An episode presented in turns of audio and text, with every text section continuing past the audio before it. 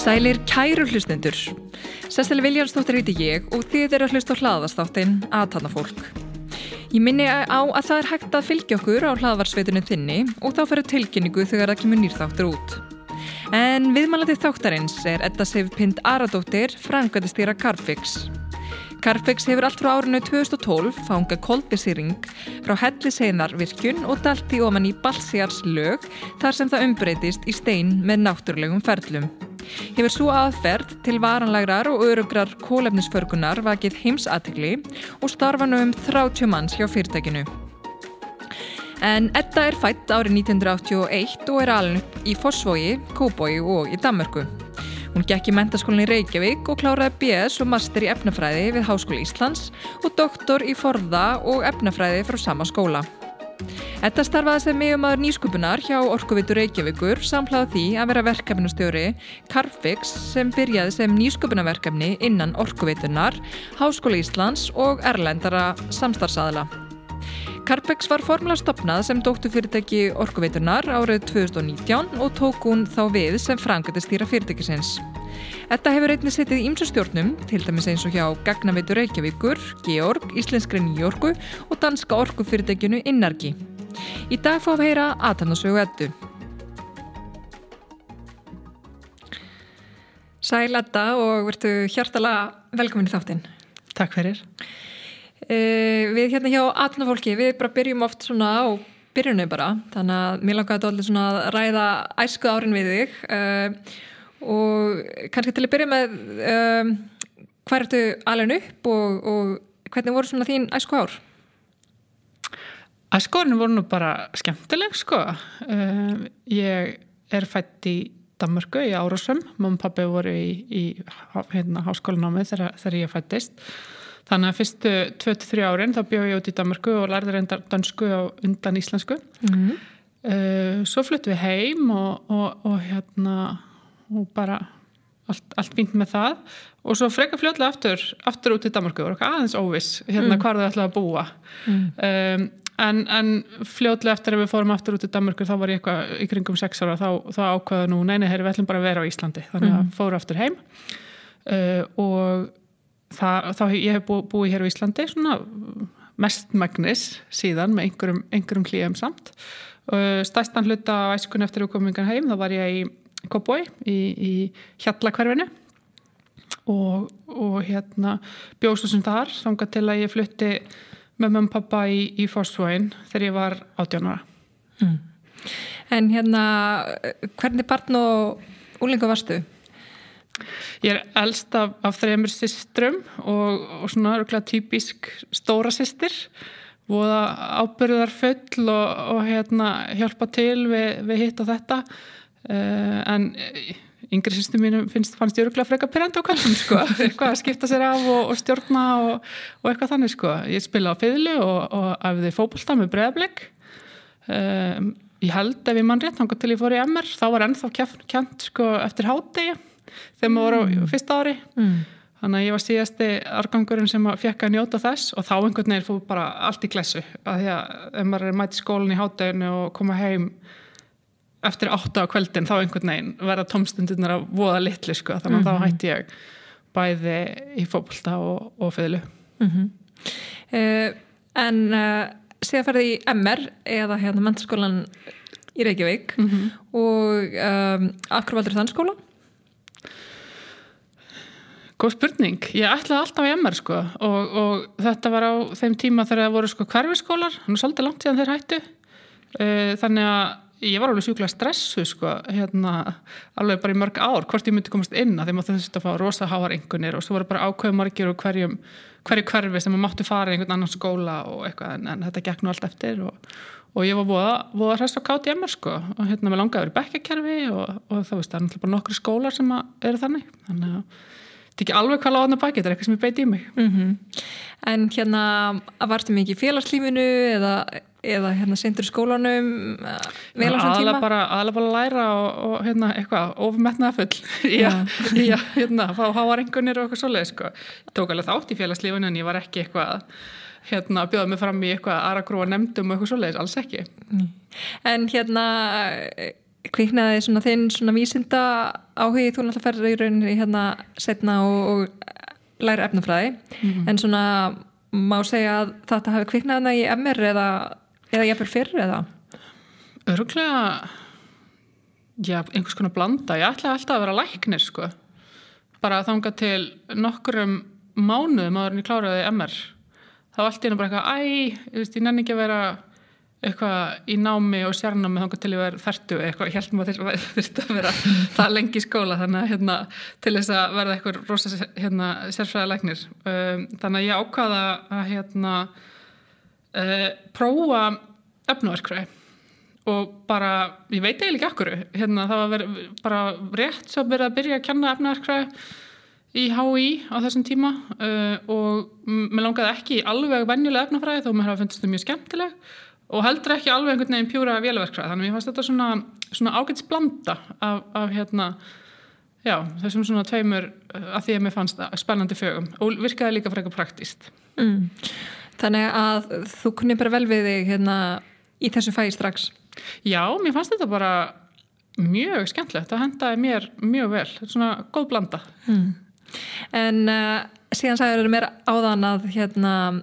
þú fyrst í skiptunám til Danmörkur á þessum tíma, ekki satt? Jú, uh, það var þannig þá og ég veit ekki hvort það er þannig ennþá að sagt, það voru ekki öll fög í efnaverkræði kend í, í HÍ þannig að það var algjörlega nöðsilegt að fara eitthvað út í einu önn til að klára BS-próf og ég fóð til Köpen í, í DTU og tók svona einhver,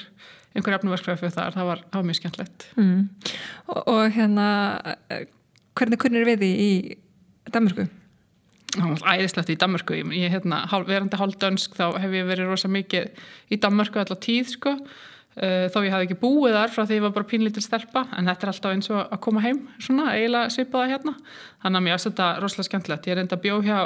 svona frekar leðilegu fólki í kjallarinn með þeim, þannig að það er svona eh, skemmti smá fyrir, aldrei heitt vatn í styrtunni og, og hérna, alltaf hálf kallt eitthvað einni, en hérna, en svona fyrir utan það, þá var ég mjög ánægð með, með þetta missari í hérna DTU. Mm. Eh, en eftir útskrift, hvað tekur þá við hérna næst hjá þér? Já, ég hérna, aftur var það eitthvað svona, já, ég vissi ekki alveg hvað ég ætlaði að gera, sko. Uh, og svo einhver svona, mér minnir ég hafi hitt uh, bara fyrir tilviljun, einmitt, þegar ég var út í hérna köpen, uh, þetta, þetta síðasta misseri mitt í efnaverskræðinni, hitt ég eitt kennara úr, úr HÍ, bara í strætó, uh, á algjörðu tilviljun. Og hann fór eitthvað að spyrja mig hvað ætlar hann að gera? Þar og klárar og ég eitthvað, æ, ég veit ekki. Og og hérna var eitthvað, eitthvað hálf óviss með þetta. Og hann spurði bara hvort ég vildi koma í, í framhansnám hjá sér. Þetta var Hannes Jónsson, professor í, í efnafræði hérna á raunsyndastofnun og, og hérna ég ákvað bara að slá til og, og hérna hafa með svona skemmtilegt verkefni sem að fólst í að, nota hermareikninga til þess að spá fyrir um hvaða málma mætti nota sem vettniskemslur. Þetta var svona á þeim tíma þegar hérna, það var búið að vera að prófa að keira fyrstu strætisvagnana á vettni og, og hérna, allt sem snýra hreitni orku og svona orkuskiptum skipta út uh, jarðarna elsneti og, og öllum þeim innviðum sem því tengjast fyrir nýja og hreitni orkugjafa það talaði mjög stert til mín. Þannig að mér finnst þetta bara hérna, skemmtilega áskorun. Ég hafði ekki prófað að, að vera að vinna með svona stóra mikil hermelíkun í tölvum en það var sem sagt mastersnáma mitt og, og hérna, var bara mjög skemmtilegt og, og áhugavert. Og á meðan ég var í mastersnáminu þá var ég á sömrin alltaf hjá orkuveitinu líka. Aftur, hérna, rosa gaman að kynnast hreitni orku og jarðhita og og hérna svona praktísku vísindunum við að, við að nýta náttúruauðlindir til orkuframlýslu. Mm -hmm. Þannig að hérna, svo þegar ég kláraði sagt, MS-prófið þá, þá bauðist mér að fara í doktorsnám sem var þá áfram hermilíkun en, en ekki málmár og vettniskemslur heldur að horfa á sagt, uh, undir djúpin uh, jarðhættakerfi uh, og uh, það spannst svo út í það í rauninni að, að ég tók að mér í doktorsnáminu að búa til spálíkön að þróa gerð svona hermilíkana sem spá fyrir um hvað myndi gerast ef við myndum einhvern tíma dæla kvaldjóksiði ofan í basalt. Mm -hmm. Og hérna það var kannski grunnur af því sem koma skal síðan, setna verð. Já, má vel að segja að þetta hafi verið ákveðin vendi punktur sko, já, ég er bara ennþá, ennþá eitthvað að gruska í þessu. Já, akkurat. Þannig að í rauninni þú ert bæði doldið að, að, að hérna, vinna við þannan uh, grunn sem verður síðan eru rauninni setna að eru Carbifix og, og, og hérna og, og náttúrulega á, á hérna sama tíma náttúrulega með þessa miklu tengingu við orkuvitina og slíkt uh, en hérna hvena fer svona uh, boltin að rúla með rauninni Carbifix og svona hvað kom eða upplunlega hugmyndin að þessu? Já, um, sko Carbfix var stopnað sem uh, bara algjört rannsókna og þráunaverkefni uh, formlega árið 2007 og það var búið að vera svona ákveðin aðdragandi að því allt árið 2006 um, og hvaðan kviknaði hugmyndin sko þetta, þessi, þessi ferli sem að umbreyta koldíóksiði í steindir eða, eða grjót neðanjarðar um, þetta er eitthvað sem hefur verið hluti af, af náttúrulegri ringráskólum sem jörðinni bara miljónir ára. Þannig að það hefur alveg verið vitað að, að þetta er leið náttúrunar til þess að yfir jarfræðilegan tímaskala uh, varanlega binda koldioksið. Uh, svo má þetta segja veist, að auðvitað fær einhver hugmyndin að okkur er reynum ekki að flýta sem ferlum og eitthvað svoleiðis og, og, og, og svo hugmynd hafði þetta bara spunnist í samtölum hinn og þessa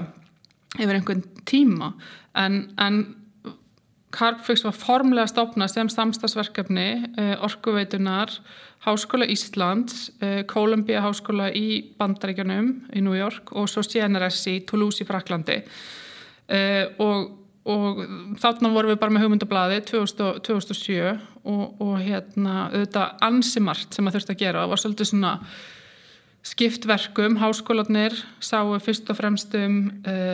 tilraunir á rannsóknarstofu uh, á meðan að við sem að vorum yðnað megin í orkuveitinni uh, við vorum meira að undibúa tilraun út í, út í felti bara ok, hérna, það er eitt að sjá hvað gerist í mjög svo stýrðum aðstæðum uh, á tilraunastofum en annað mm -hmm. hversu mikið má yfirfara það í rauninni út í hérna, raun aðstæður í náttúrunni mm -hmm. Þannig að þetta var bara auðvitað samstarf alveg frá upphafi og mjög, mjög flott uh, og öflugt samstarfa því þarna var alveg bestu vísnamenn í heimi á sínu sviði. Þarna var hérna yðnaði eh, sérfræðingar þarna voru líka aðskilns yðnaðarfólk uh, sem að gæti verið hands-on það var búið að kannski hanna einhverja sjúklega flotta græu sem átti að virka opbúslega vel og gerði það á rannsóknarstofu. Mm -hmm. en svo þegar það var farið út í náttúruna þá er bara ekkert döðrhensar aðstæður og og verkvit og þegar verkvit og hugvit koma saman mm -hmm. þá er svo auðvelt að finna lausnir á einhverju sem að virkaði kannski ekki alveg eins og, eins og kannski gert að ráðferir uh, eh, og til viðbútur við það þá var líka alveg frá upphafi verkefnisins rosalega mikil áhersla að þjálfa næstu kynnslóð þeirra sem ætti að taka við. Þannig að mjög mikill fókus á að þjálfa doktorsnema og ég var ein af þeim og, og fyrir vikið þá hérna, erum við núna með bara fyrðu öflugan grunn af rosalega vel mentuðu fólki í að taka næstu skref í að taka þessa tækni lengra mm -hmm. sem er náttúrulega mjög mikilvægt og það er líka gott dæmi í rauninu hvernig svona stærri fyrirtæki geta akkurat uh, byrja að, að hlúa að nýsköpun inn í raun stærri fyrirtæki ekki endilega í rauninni einhver startup sem koma endilega bara upp bara einu sér en þarna er hvernig svona stórfyrirtæki getur líka verið að vinna með nýsköpun. Alveg, algjörlega og líka bara hvernig innæðurinn og, og hérna háskóla samfélagið getur tekið höndum saman og bara gert magnaðar hluti. Já, það eru algjörlega gríðarlega tæki fyrir þar. Eh, en þú nefndi mig á áðan sko fyrir vitalið að þú varst á svona tíma þegar þú varst þarna í, í rauninu doktorsnáminuð þá varstu líka út í bandarækjunum uh, Já, getur það sagt mér frá því? já, ég syns að hérna þegar ég var í doktorsnáminu þá ég var skráð hérna í, í Háskóla Íslands en, en að þetta voru mjög sérhæfð líkun sem þurfti að smíða uh, að þá var það gert í samstarfi við, við Lawrence Berkeley uh, National Laboratory sem er í, í Berkeley í Kaliforníu og, og þau hafa verið uh, um árabil mjög framalega í að þróa tæki og tól og, og hugbúnað til þess að herma ferli neðarar, bæði hvað var þar jarðhitta eða olí og gas eða eitthvað svoleiðis en, en tengingin kom svolítið úr jarðhitta heiminum og hérna þannig að ég var tölvert út í Berkeley í dotsnáminu og þetta rosa, rosa skemmtilega lífsreynsla um, og, og það var líka fyrir hrun þannig að hérna krónan já, var, var sterk og, og hérna þannig að maður gæti gert ímislegt sko. Var þetta þannig að þegar dólarinn var um 60? Já, þetta var okkur og þá. Já, það var alveg gott að vera í bandarækjunum þá sko. Já, einmitt. Eh, Og hérna hvernig fannst þér að búa í Berkeley? Sem er svona frekar lítill háskóla bæri fyrir, fyrir utan San Francisco eða svona mm -hmm. 40 myndi frá eitthvað slíkt? Hérna hvernig var þessi tími hana og hvernig finnst þér svona verið þarna í þessu háskóla umkvöri í raun samberg hérna, heima og, og, og slíkt Sko ég var náttúrulega ekki í háskólanum, ég var í, í Lawrence Berkeley Lab sem er vissulega í Berkeley og, og hérna, mjög flott rannsóknustofnun en, en ekki, ég var ekki að taka kursa í háskólanum, ég var bara hérna, gert að vinna verkefninu á, á þessari rannsóknustofnun. Þetta var rosalega skemmtilegu tími og, og, og hérna, auðvitað bara rosalega gefur manni rosa mikið að, að búa annar staðar, standa á eigin fótum þurfa að finna út úr hlutunum og, og hérna bara aðeins bjarga sér. Um, þannig að þannig að mér finnst þetta virkilega skemmtlegt og, og við vorum alveg maður með maður með mér að núti sko. Uh, við vorum alveg dögulega að, að ferðast um helgar, einmitt aftur hérna, krónan var í, neða dólarin var í 60 þannig að það var, það var auðvelt að lefa sér það. Mm. uh, þannig að þetta var mjög skemmtilegu tími en, en hérna stóð aldrei neitt annað til en að, en að koma heim sko mm -hmm. uh, ég hef ekki vilja að stopna fjölskyldu þarna eða eitthvað svo leiðis hérna, þannig, þannig að það var, það var auðvitað líka gott að koma heim en mér finnst alltaf rosalega gaman að koma á Beijerja svæðið uh, þetta er mjög skemmtilegri stöðum á, á jörðinni finnst mér sko mm -hmm. Ég er algjörlega samanlega því mm -hmm. Um, en um, ef við vikjum kannski bara aftur að Carpifix og, og hérna náttúrulega sem er rauninni sem var uh, dótturfyrirtæki uh, orkuvinnar og þú byrjar inn í orkuvinninu með þetta verkefni. Já uh, og lengst, af, lengst framann af var þetta bara verkefni. Eins og ég sagði þetta var hugmyndablaðið 2007 og og það tekur auðvitað langan tíma að koma einhverju sem er hugmyndablað í sko tækni sem virkar, sannreind og við lögum auðvitað rosalega miklu áslá að, að, að staðfesta allt með sko vísindarlegum gögnum. Þannig að það tökur auðvitað tölverðan tíma. Við fórum í uh, tilvörnafasa þar sem við vorum að dæla í fyrsta skipti koldioksiði ofan í, ofan í jörðina 2012 uh, og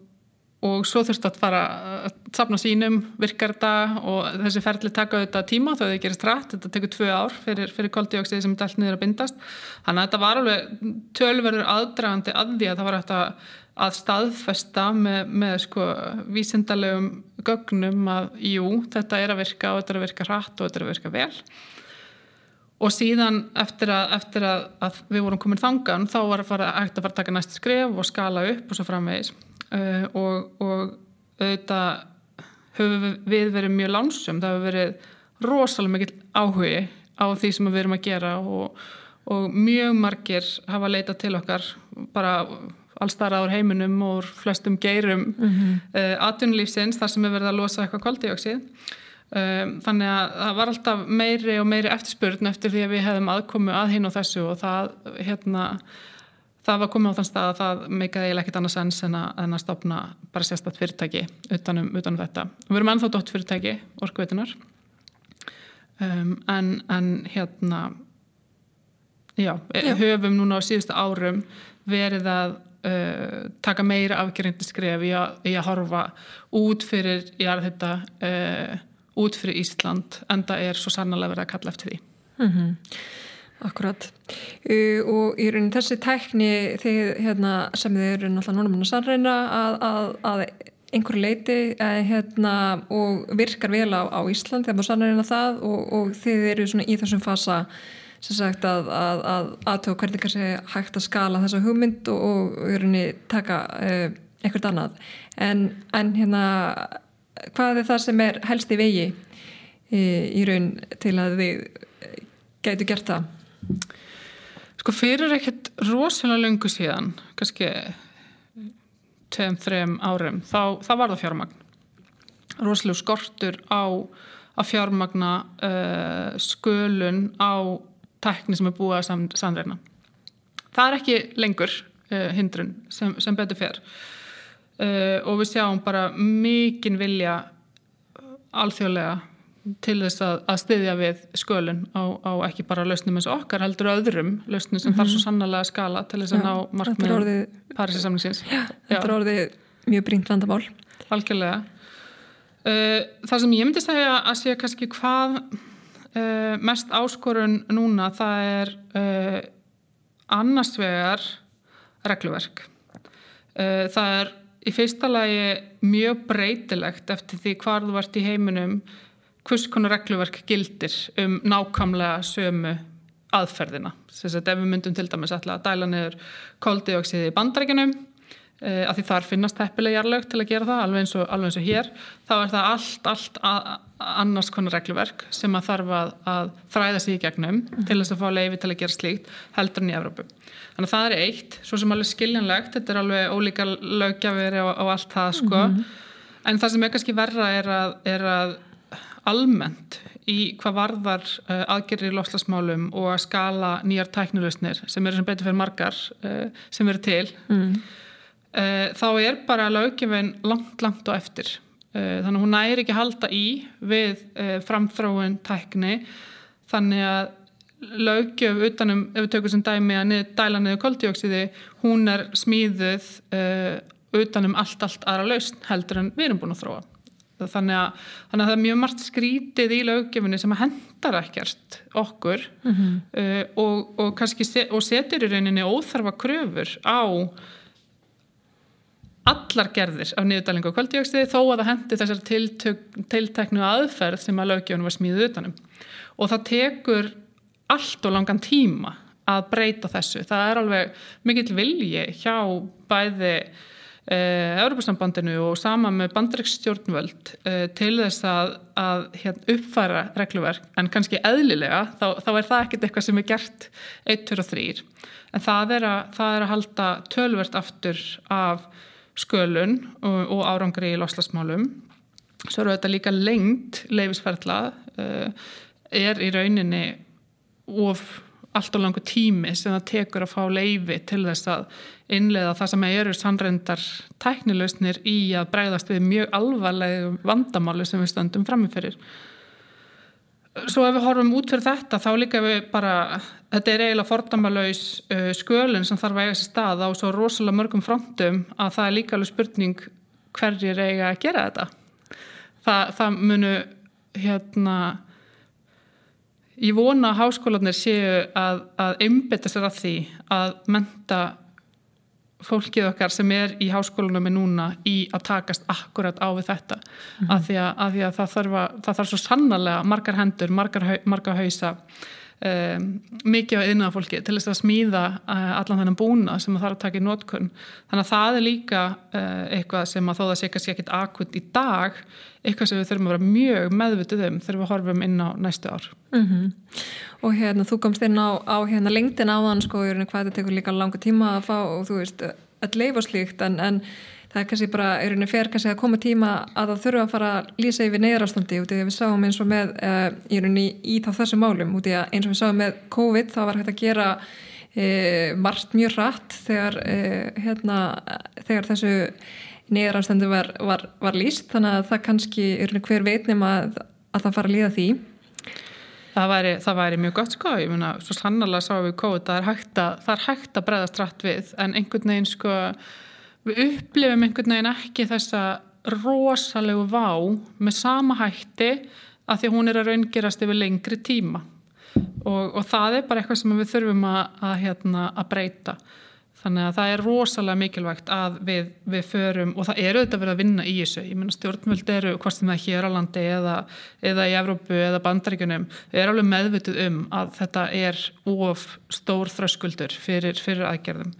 Uh, en, en þetta mætti ganga hraðar. Mm -hmm, akkurat, eins og svo margt. Einmitt. En þú komst líka inn á, inn á hérna fjármögnuna áðan og oft svona í þáttunum þá fyrir við aðeins svona yfir það Uh, og uh, í rauninni fyrstu sinn þá var það kannski svona er rauninni smá bröðsulegt uh, eins og oft vil vera, þú veist þetta er náttúrulega mjög stór hugmynd og, og, og það þarf náttúrulega mikla peninga til að hreyfa við svona er rauninni stóru verkefni en hérna hvaða leið svona hafið þið farið í, í þessu að, að hérna fjármagnaverkefni? Sko með við vorum í algjörum rannsókn og þrónafæssa þá, þá vorum við þetta mikið að horfa á eh, sjóði sem að stiða við slíkt og, og hef, okkur hefur gengið mjög vel e, bara frá upphafi að, að fá fjármagn í gegnum samkjöfnisjóði, fyrst og fremst frá, frá Brussel e, þannig að það var gríðarlega mikilvægt fyrir okkur e, verandi innan hjartagerans á Íslandi og, og horfandi til þess að, að í rauninni Uh, á þeim tíma sem við vorum að þróa lausnina fyrir koldioksið í karfljóksverkefninu þá var, þá var hérna, líka mikill fókus á að draga á losun og brennstensvetni frá, frá jarvarmavirkjunum uh, og, og það, við vissum það að okkar tækni geti, geti hjálpað. Getur nota nákvæmlega sömu tæknina í að fanga og dæla niður koldioksið og brennstensvetni þannig að það hjálpaði okkur líka mjög lengi framan af að, að, að það var hægt að samvinna í rauninni þetta tvent mjög vel. Mm. um,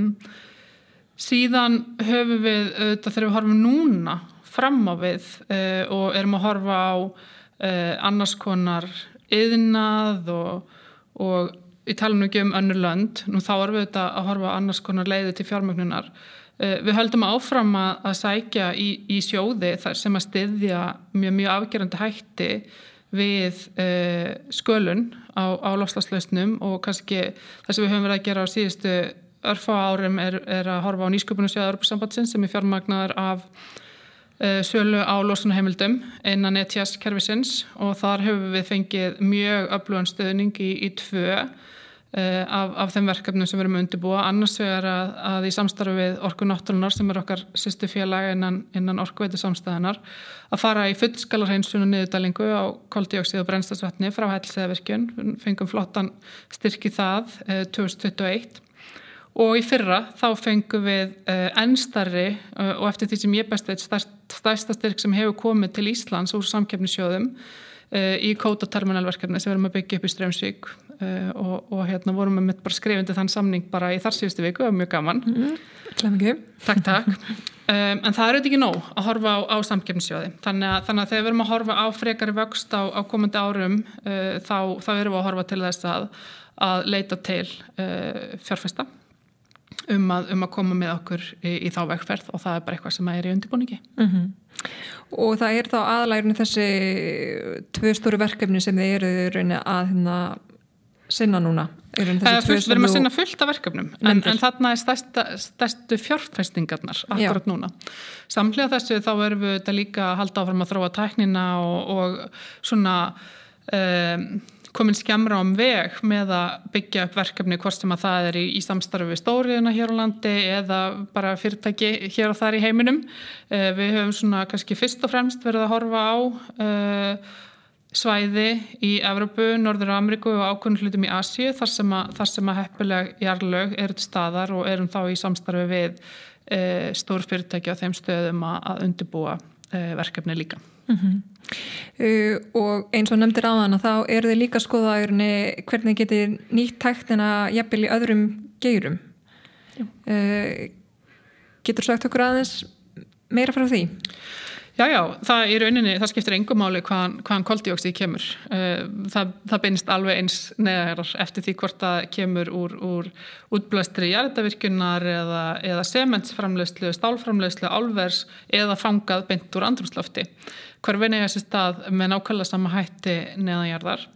þannig að við höfum fyrst og fremst verið að einblina á þessa, já það heit kalla á ennsku hard to abate sektor sem mann og ekki alveg hvernig það er þýtt á íslensku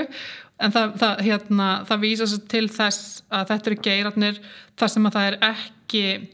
orgu framleiðslan orgu nótkunnin sem, sem að veldur uh, losun heldur kemur losunin úr framleiðsluferlinu sjálfu uh, og það á til dæmis við um íslensku stóriði starfsemina uh, þar sem að, þar sem að hérna, losunin kemur ekki uh, úr orgu nótkunninni, hérna framleiðu bara græna orgu heldur úr, úr framleysluferlinu. Þannig að við höfum verið að fókusa hvað mest á, á þessa geira, auðvitað líka uh, orkuframleyslu, uh, jarvarma uh, og, og líka framleyslu þar sem er verið að brenna lífmassa með sjálfbærum hætti auðvitað um, og, og í einhverjum tilveikum auðvitað, kannski sérstaklega þegar við horfum á, á svona vannþróaðri ríki heimsins þar sem við vitum að það er órenhæft að, að gera kröfu um að, að, að það fasa út uh, orkuframleyslu algjörlega sagt, byggða á, á jarðarnælsniti að það sé í rauninni órenhæft. Þannig þar eru við alveg að horfa á kannski eitthvað fjölbreyttari uh, verkefni heldur en, heldur en kannski á, á, á þróaðri svæðum. Og til viðbútar við það þá erum við líka að vinna með fyrirtækjum sem að fanga koldioksið beintur andrumslafti það eru þetta mikilvægast að, að draga úr losun sko mm -hmm. og þannig náum við mestum árangri en það er enga síðan þannig að, að við erum búin að sleppa svo rosalega miklu kvaldioksiði út í andrumsloftið að allar skýslur uh, IPCC og, og annara stofnana sína að þegar við komum fram á miðbygg aldarinnar þá munum við þurfa að endurheimta mikið magna því sem við höfum losað til dæmis með tæknilausnum. Þannig að okkur finnst mikilvægt líka að stiðja við e,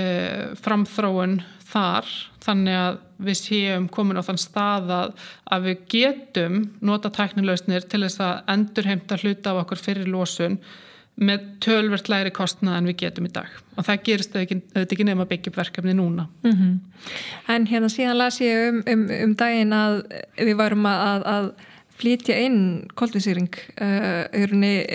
frá Danmörku eða eitthvað slíkt, tengt verkefni sem þeir eru með? Já, þetta er, þetta er þetta verkefni sem við fengum stóra styrkinni frá, frá Örbúrsambandinu. Þetta heitir Kóta Terminal. Við erum ekki byrjuð þessum flutningi en, en verkefni snýst um, um það að, að hérna í rauninni vinna þvert á landamæri í lofslagsækjörðum og það er bara staðreind að án þess að, að gera það þá, þá munum við ekki ná okkar, okkar lofslagsmarkmiðum Þannig að við erum að horfa til þess að byggja upp innviði til þess að dæla niður koldioksiði á starri skala en við höfum verið að gera hinga til hér á landi og erum að horfa á strömsjúkusvæðið þar. Og um, samhliða því auðvitað að, að dæla niður þá koldioksiði frá nálægum nálæri starfsemi eins og til dæmis alverðinu, það er annars konur innastar sem er þarna líka, að þá séum við að, að vinna með okkar nákvæmna löndum e, í að taka á móti koldioksiði e, og, og dæla niður hér og það eru mjög mörg önnur ríki að, að undirbúa sambarlega verkefni. Nóriður kannski komin uh, hvað lengst með verkefni sem þau kalla norðurljósa verkefnið þar sem þetta byggir á nákvæmlega því sama, þess að koldioksiði fangað einhver staðar, uh, einhverju öðru ríki, uh, flutt á stað þar sem er hagkvæmt og örugt að dæla þið niður um, og, og ef eitthvað er þá er okkar aðferð örugari og varanlegri heldur en, heldur en aðferðin sem að til dæmis á, á að beita í Norega því þar er verið að dæla niður gasi til geimslu sem, sem gasbólu ofan í, ofan í hérna þarrandi ólílindum og, og, og gaslindum á meðan við dælum niður koldioksiði og það steinrænist verður bara hluti af bergruninum þannig að þetta er allt, allt öðruvísi. Uh, aðferð og uh, miklu, miklu varanlegri leið til þess að losa sig við koldioksið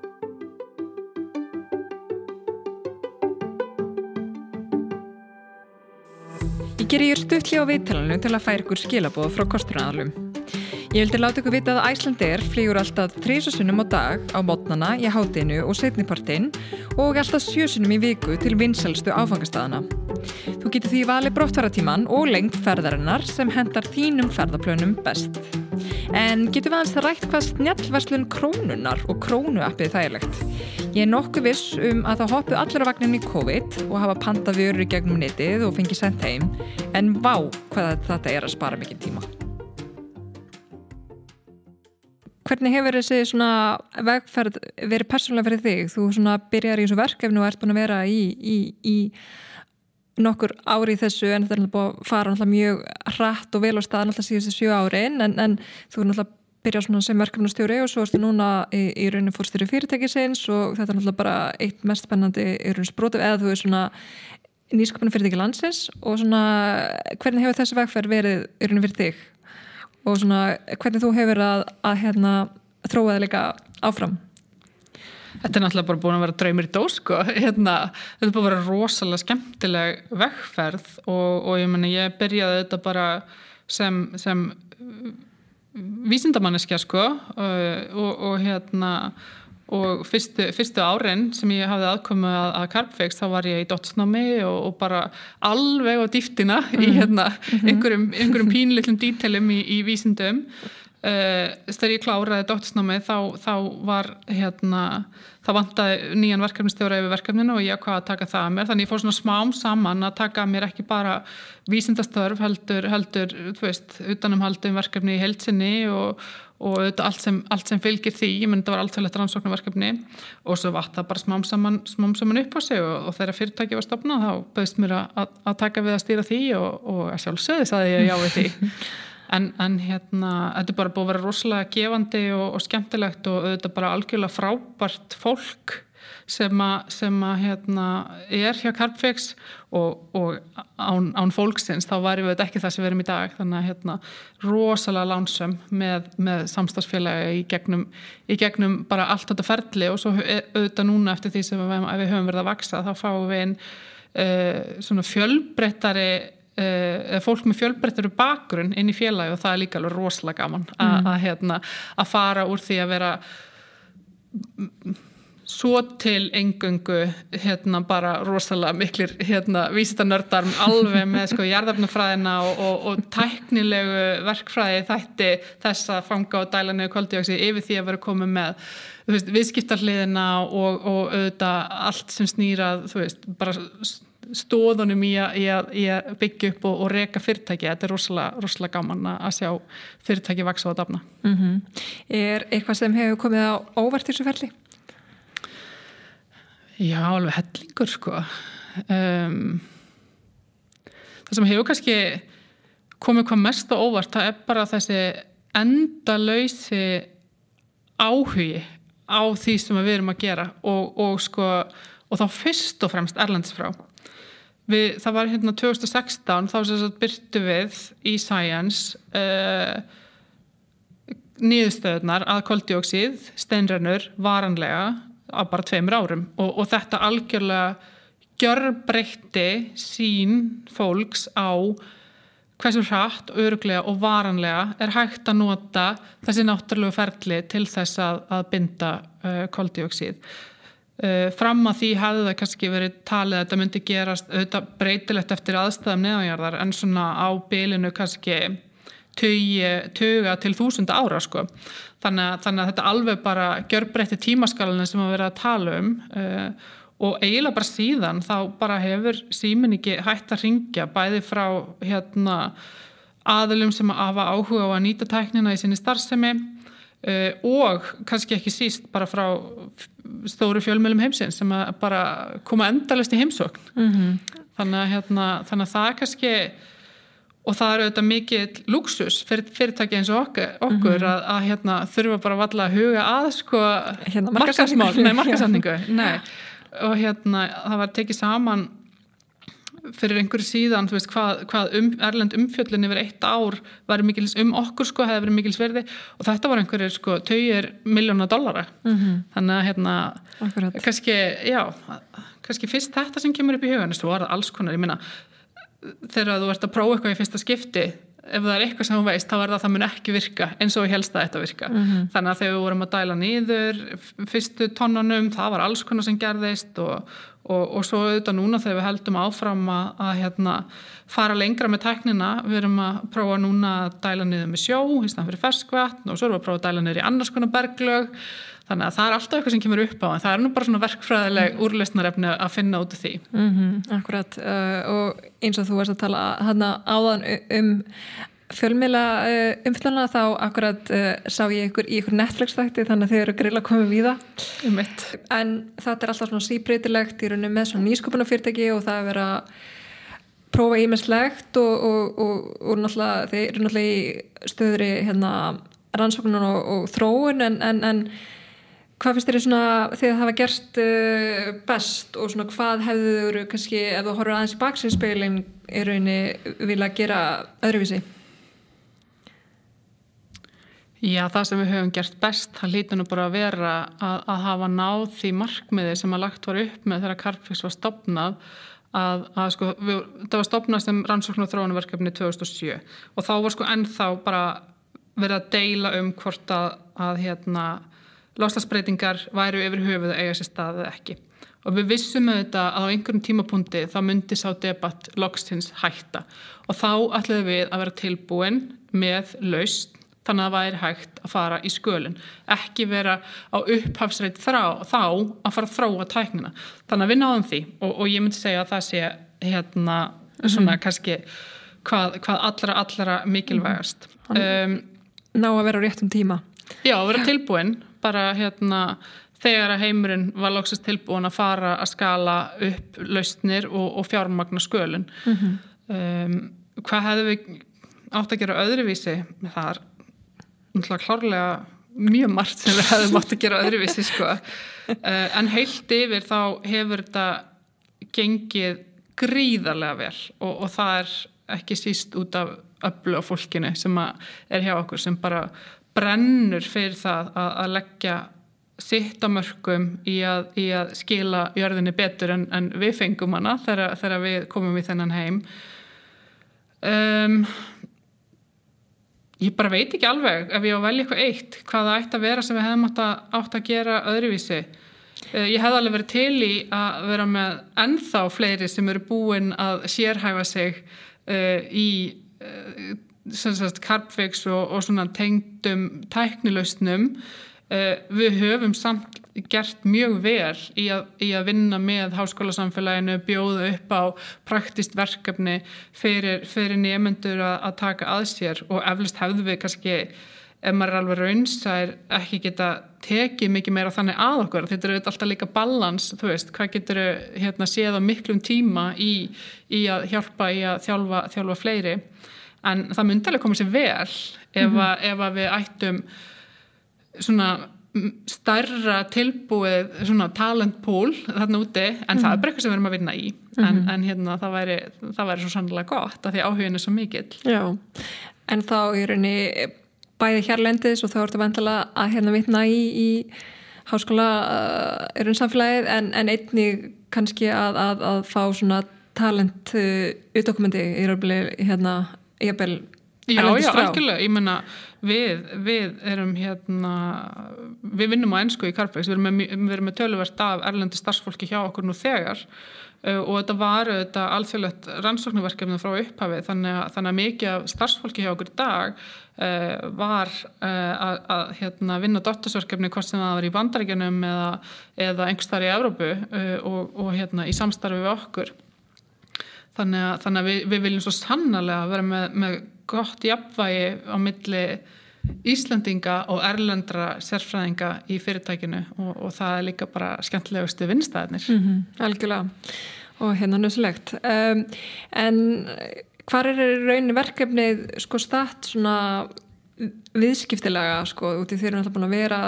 þróa teknina og eru náttúrulega enna því og hérna og, og það er náttúrulega rosalega stort verkefni og, og, og hérna mikil metnaður. En, en er svona er orðið ljóst svona uh, hvað viðskiptamótil í rauninni Carbofix er á þessum tímbúti? Já, já, algjörlega. Við, hérna, við erum tæknifyrirtæki sem, a, sem að býður öðrum upp á samstarf hérna, við að draga úr sinni losun og við getum gert það með, með ólíkum leiðum og, og þetta er líka þetta algjör sko markaður í mótun ennþá þannig að kunnin veit ekkit endilega hvað hva, hva er móteli sem að virka best. Uh, hvort að það er að, að hérna, það, sagt, við byggjum búnað sem að fangar dælinni er koldioksiði og svo er það ekstra aðilans að taka við og reka og í einhverjum tilvikum þá hendar það mjög vel til dæmis að við horfum á jarvarmafyrirtækin að því að það er hvort þið er verið að vinna með að, að dæla einhverju upp á jörðinni, dæla einhverju niður og þá er lítið mála að, að læra á þennan, hérna, þessa viðbóta dælinu koldioksiði. Svo erum við með annars konar uh, starfsemi eins og, og sementi að stál eða einhverju þannig framleyslu sem að eðlilega kannski ekki eins mikill vilji til þess að, að taka alfarð yfir rekstur á einhverjum svona viðbót við starfsemina. Þannig að þá getur við veitt bara þá þjónustu að, að, að hérna, sjá um uh, það að dæla nöðu koldioksiði hvort sem að það er ástæðinum eða þá eftir þessum leiðum sem að ég var að lýsa áðan að koldioksiði fanguða einum stað, flutta á einhvern annan stað þar sem að við erum með innvið til þess að dæla niður þannig að og ég held að, að hérna og það er svona það sem við sjáum á markaði núna að ef eitthvað er þá þá er meiri vilji til þess að fá bara þess að þjónustu að hún verði eins þægileg og hægt er fyrir e, þau sem er að losa kvöldioksi í dag. Þannig að það er svona það sem við erum að, að vinna út frá en þurfum auðvitað að vera rosalega mikið á tánum að því að, að, því að regluverki er að taka breytingum, kvatar, ívilnanir, skattar, þetta er allt að taka breytingum til þess að flýta sem betur fer hérna, því að við draugum úr losun en, en við þurfum að fylgjast mjög vel með og, og auðvitað vinnu við þetta líka bara í, í mjög góðu samstarfi við þau fyrirtæki sem við verum að starfa með. Mm -hmm. Akkurat. Uh, en svona hvað sér þið fyrir þér í framtíð Carbifix? Stór spurning uh, Ég við við höfum það sem, sem okkar, okkar metnað að hafa raunveruleg uh, áhrif á loslasmálinn uh, við vitum auðvitað að við einn erum ekki að fara að leysa þú veist, þetta gríðarlega stóra vandamál sem við stundum frammeferir það þarf svo rosalega mikið af lausnum sem þarf að skala. Hvað var þar að, að skipta yfir í endunlega orkagjafa spara orku, fara betur með það sem við erum að framleiða að horfa til ringrósa hagkerfis en það er samt þannig að mjög stór hluti eh, af ávinningnum sem við þurfum að ná fram mun koma úr því að fanga og dæla niður kvaldjóksið Eh, og við munum ekki ná okkar, okkar lofslagsmarkmiðum án þess að við náum að skala þessa tæknilegst og við erum búin að sína fram á það að okkar laust, hún er bæði hagkamari, hún er umhverfisvetni, hún er varanlæri og örugari heldur en leiðin sem að ólí og gasfélögin uh, eh, út um allan heim uh, hafa verið að nýta og munu að sjálfsögðu halda áfram að nýta Þannig að við leggjum allan okkar metnaði í það að hafa eins mikil jákvæð áhrif á, á loslasmál uh, og við mögulega getum haft og auðvitað til þess að ná því þá þurfum við að vera í góðu, öllu samstarfi við uh, ábyrga uh, samstarfsæðila sem, sem að hugsa eins og, og, og virkilega vilja leggja sitt á mörgum. Og í þessu öllu saman, í öllum þessum lofslagsverkefnum, þá er líka svo gríðarlega mikilvægt að passa alltaf að, að það sé hægt að rekja einingarnar sem að verða til að það sé ekki verið að tvítælja, það sé ekki verið að grænþvó þannig að við leggjum rosalega mikið upp úr því að samhlega því að hafa raunverulega áhrif uh, að, að ná þessum áhrifum ábyrgum hætti uh, og aldrei taka þátt í grænþvótti mm -hmm. Akkurat, það er nefnilega mm, enn eitt síðan í rauninni sem þarf að, að tekla náttúrulega sérstaklega þegar þessur uh, í rauninni markaður er að, að, að myndast og aukast og, og hérna verða eitthvað í fremtíðinni svona, uh, já þú veist kannski mun bara lítað einhverjum uh, leiti svona sömu lögmála og hérna aðri fjármálamarkaðir. Algjörlega, en, en rammin er ekki tilbúin ennþá þannig að þetta er svolítið vilt að vestur þannig að það er svona mikilvægt að sína ábyrð og, og hérna og, og hérna geta algjörlega haft gögnin á baku sig og, og það er alveg reykjanlegt hvað er eigast stað, það er ekki verið að tvítælja það er ekki verið að ofselja einingar eins og því miður við sjáum allt á mörg dæmi um Mm -hmm. En hérna auk þess að vera Forster Carbifex þá ertu líka í rauninni setur í stjórnum í orkugýranum getur aðeins sagt okkur frá því? Já, ég, hérna, ég er í tveimur stjórnum núna, ég er í stjórn uh, Innargi sem er danst uh, tiltölu ungt uh, jarðhetta fyrirtæki sem að er að vinna því að, að auka hlut jarðhitta í hittavitum uh, í Evrópu og bara rosalega flott og, og spennandi fyrirtæki sem að hérna, og svo skemmtlegt að, að hérna, sagt, fyrsta verkefnið sem við skrifum undir samningum það er hérna, að, að búa eftir jarða í árásum þar sem ég er, er mitt fætt mm. þannig að hérna,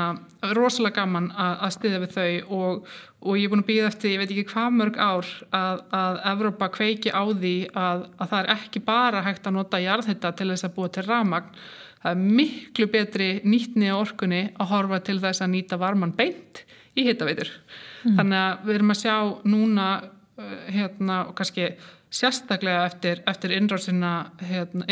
innráðsrúsa í Ukrænu því líkt mikla hérna, sókn í að, í að gera betur þarna þannig að það er auðvitað gott en, en auðvitað mjög hérna já, sorglegar aðstæður sem, að, sem er auðvitað þess að, að, að við erum að flýta okkur mikið hvað þetta varðar. En já, þannig að ég er í stjórninarki og, og hérna þau eru að horfa á að byggja upp hittaveitur eins og ég segði fyrst í Árasum, svo víðar í Danmörku og svo er verið að horfa á tækifæri annar staðar í Európu Uh, og svo er ég stjórnaformaður Íslenskra nýjörgu uh, sem að eru svona uh, já, þetta er hérna batteri sem að er að reyna að búið að vera til lengi og, og hefur það markmiði að, að í rauninni útrýma jæratna elsnætti á Íslandi. Og, og þetta þá bara á breyðum breyðum grunni, fyrir nokkrum árum það var rosalega mikil fókus á að stiðja við upptekur afbíla Uh, og, og hérna og, og hvað þurft að gera til þess að, að hérna, hvernig þetta ríkist eftir það með ívilnunum, alls konar svoleis koma svona með hugmyndir uh, hvað það var þar uh, og, og núna þetta sjáum við að, að hérna, nú það bara fara að rúla boltin bara fara að rúla sjálfur þar. Þannig að síðust árin hefur, hefur mestu fókus verið á vettni Uh, hvernig getur við uh, aftur hérna, reynda að fá uh, vettnispíla á gödurnar og, og, og hérna og, og svo ef við horfum lengra þú veist, auðvitað þarf að horfa á, á hérna skipin okkar flugvilar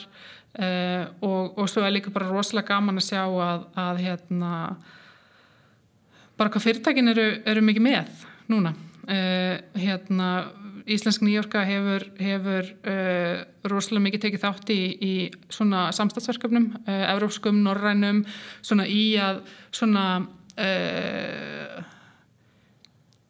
bæta grundvöld þess að svona verkefni geti orðið að veruleika. Og svona first of a kind verkefni þar sem maður þarf að finna út úr alls konar og pota í alls konar og, og svona. Þannig að hérna voru mjög skemmtlegt uh, og, og, hérna, og eins og er kannski eðli svona fyrstu sinna teganda verkefna þá gengur uh, sumt ekki upp og, og annað gengur betur en, en mm -hmm. við þorfum að vona og svona en, hérna, en þetta er alltaf smám saman í, í rétta átt mm -hmm. En hérna finnst þið vera mm, svona óplæður akkurur í raunin fyrir Ísland og hérna að er raunin segja fram í, í svona orkumálum og, og hérna vera í rauninni fórsverð þar kannski með nýskupin jafnvel? Já, ég held við getum nú alveg gert betur sko. Að því að, að því að við erum við veitum alveg að við erum komin mjög langt uh, hvað varðar uh, orkuskipti til dæmis. Auðvitað kláruðum orkuskiptin hvað var þar orkuframleyslu fyrir, fyrir tölverðu síðan og, og erum auðvitað í því að deila þar í reynslu og þekkingu með öðrum en ég held við getum gert enn meira á því og líka kannski e, verið enn, enn sníður í hvað það var þar e, og horta á verndun, hugverka og alls konar svona sko. Um, þannig að já við getum, við getum hérna uh, svo sannlega gert, gert betur í því og svo til, til viðbútar við það þá eru við auðvitað dæmi um hagkerfi sem er komið á þann stað að við erum, við erum, hérna, okkar, öll okkar orkuframlegsla er endur nýjanleg. Þannig að við erum sínidæmi um hvað þarf að gera svo.